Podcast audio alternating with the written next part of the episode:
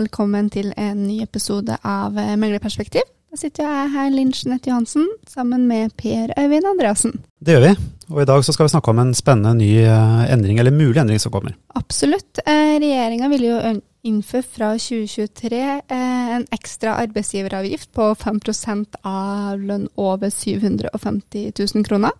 Det er riktig, og da er jo spørsmålet hva er egentlig lønn? Og er grensen 750 000, eller hvordan er det dette egentlig eh, vil påvirke bedriftene? Absolutt, og for å se litt nærmere på det her, da, så er vi så heldige at vi har med oss eh, deg, Espen Rye Ellingsen. Du er jo en av våre fageksperter på pensjon her på huset. Jepp, takk. Eh, og som eh, Per Eivind var inne på, eh, de 750 000 kronene, er det ren lønn, eller er det mer som omfattes her? Pensjonspremier, eh, egentlig alt som bedriften rapporterer inn som, som grunnlag for arbeidsgiveravgift i dag. Ja, så da vil vel grensa for dem som blir berørt av det her være langt under 750 000 reelt sett? Ja, det kommer litt an på hvilke personalgoder bedriftene har, men for mange vil den krype godt under, eh, under 700 000. Hvordan, hvordan, beregner man egentlig eh, dette her, Espen, og kan det utløse noen utfordringer for eh, bedriftene, som du ser det?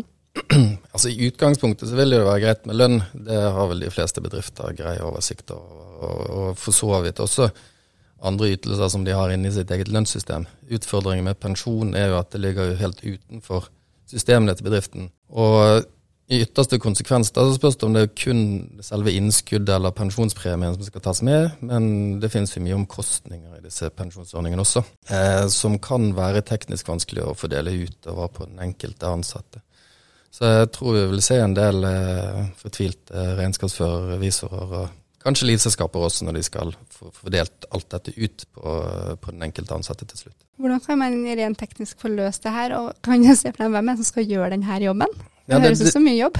Ja, og det er jo et viktig spørsmål. Hvem er det som skal løse dette? Så jeg vil jo tippe det begynner på, på lønningsavdelingene, som kanskje det kommer noen eh, retningslinjer for revisor. Eh, og så blir vel spørsmålet sendt videre til livselskapene til slutt, og da håper jeg at de har et eller annet system hvor de kan klare å ta ut noen noe lister som, som, fordeler dette. Vil, vil, det er jo ganske mange som har lukket ytelsesordning eh, i dagens eh, arbeidsmarked. Vil de også bli påvirka av denne mulige endringen? Ja, og der kan vi jo se noen sånne si, ja, Kanskje kaller de verste eksemplene, men, men, men, det er klart en lukket ytelsesordning med få aktive ansatte igjen. Og mange pensjonister de kan jo ha ganske store omkostninger knyttet til denne ordningen. Eh, det pris for rentegaranti bl.a., som kan være ganske omfattende. Eh, og Da må man jo skille ut den andelen av kostnaden som hører til den enkelte aktive ansatte, og som igjen da tjener over 750 000. Eh, så så det kan bli et morsomt regnestykke. Og det er jo ikke lenger stol at det her blir jo en ekstra kostnad for bedriften, uansett hvor man eh, vrir og vender på det her. Og det er vel også kanskje det som er tanken bak denne endringen. Men er det noe, finnes det noen muligheter der ute for bedriftene de kan gjøre noe for å få en mindre økt kostnad, eller få litt besparelse her? Ja, i hvert fall på, på kort sikt så har man én si, stor mulighet. Um, uh, alle pensjonsordninger har et premiefond det gjelder både ytelsesordninger og innskuddsordninger, og innskuddsordninger er i tillegg det som heter innskuddsfond. Kan du si litt kort hva premiefond er for noe? Ja, altså Både premiefond og innskuddsfond er egentlig, kall det enkelt, en, en, slags bankkonto som er knyttet til pensjonsordningen. Eh, hvor eh, midler havner. Eh, for eksempel, altså Tidligere var det vanlig hvis man meldte ut en ansatt, så gikk det for mye innbetalte innskuddet til, eh, til, eh, til innskuddsfond. Eller for mye betalt premie for året gikk til premiefond. Nå er det jo litt mindre av det, siden ansatte får med seg nå pensjonsopptjening uansett hvor, hvor kort de har jobbet. Men en ting som er viktig med de fondene, er at det er mulig å innbetale ekstra til, eh, til både innskuddsfond og premiefond. Man kan betale inntil 50% av gjennomsnittet av de siste års premier. Um, og hvis man gjør det før nyttår, eh, så vil det Eh, den innbetalingen skje med det gamle grunnlaget for arbeidsgiveravgift, altså 14,1% for, for de fleste. Så det er en mulighet for bedrifter nå å betale inn ekstra penger før nyttår, som de kan da dekke halve, halve innskuddet og halve premien neste år. Og bare for å ta et rundt tall, en bedrift som betaler 100 millioner, da, for å ta et stort tall, men inn vil faktisk bare 2,5 millioner på, på det hvis de hvis alle ansatte har over 750 000. Da. Absolutt verdt å vurdere.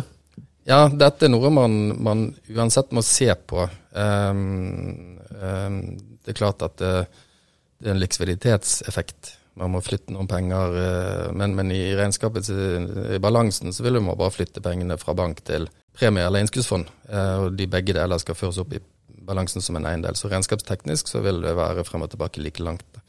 Bortsett fra at man får arbeidsgiveravgiften ett år tidligere, men det er jo det som er hele poenget her. Mm. Men hvordan bør en bedrift gå fram for å undersøke disse mulighetene, Espen? Altså Først bør man vel kanskje sjekke med, med regnskapsavdelingen, da. I hvilken grad man har, har, muligheten til å gjøre den avsetningen, og så få de i gang. Uh, eventuelt, hvis det er behov, revisor. Uh, og bare få en sånn second opinion. Uh, og noe, ting kan jo endres før nyttår, men det er i hvert fall noe som man bare setter på listen sin og, og sjekker.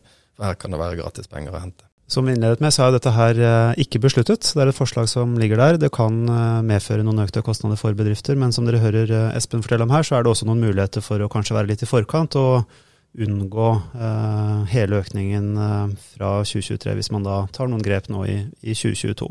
Så verdt å få med seg, og ikke minst gjøre noen undersøkelser rundt. Og med det, Linn, så sier vi vel takk for nå i denne omgang. Absolutt. Så regner vi med at vi får deg tilbake igjen i studiet ved en senere anledning, Espen. Absolutt. Du får en oppdatering her. Takk for bidraget, Espen, og eh, takk til dere som hørte på. Så høres vi snart igjen.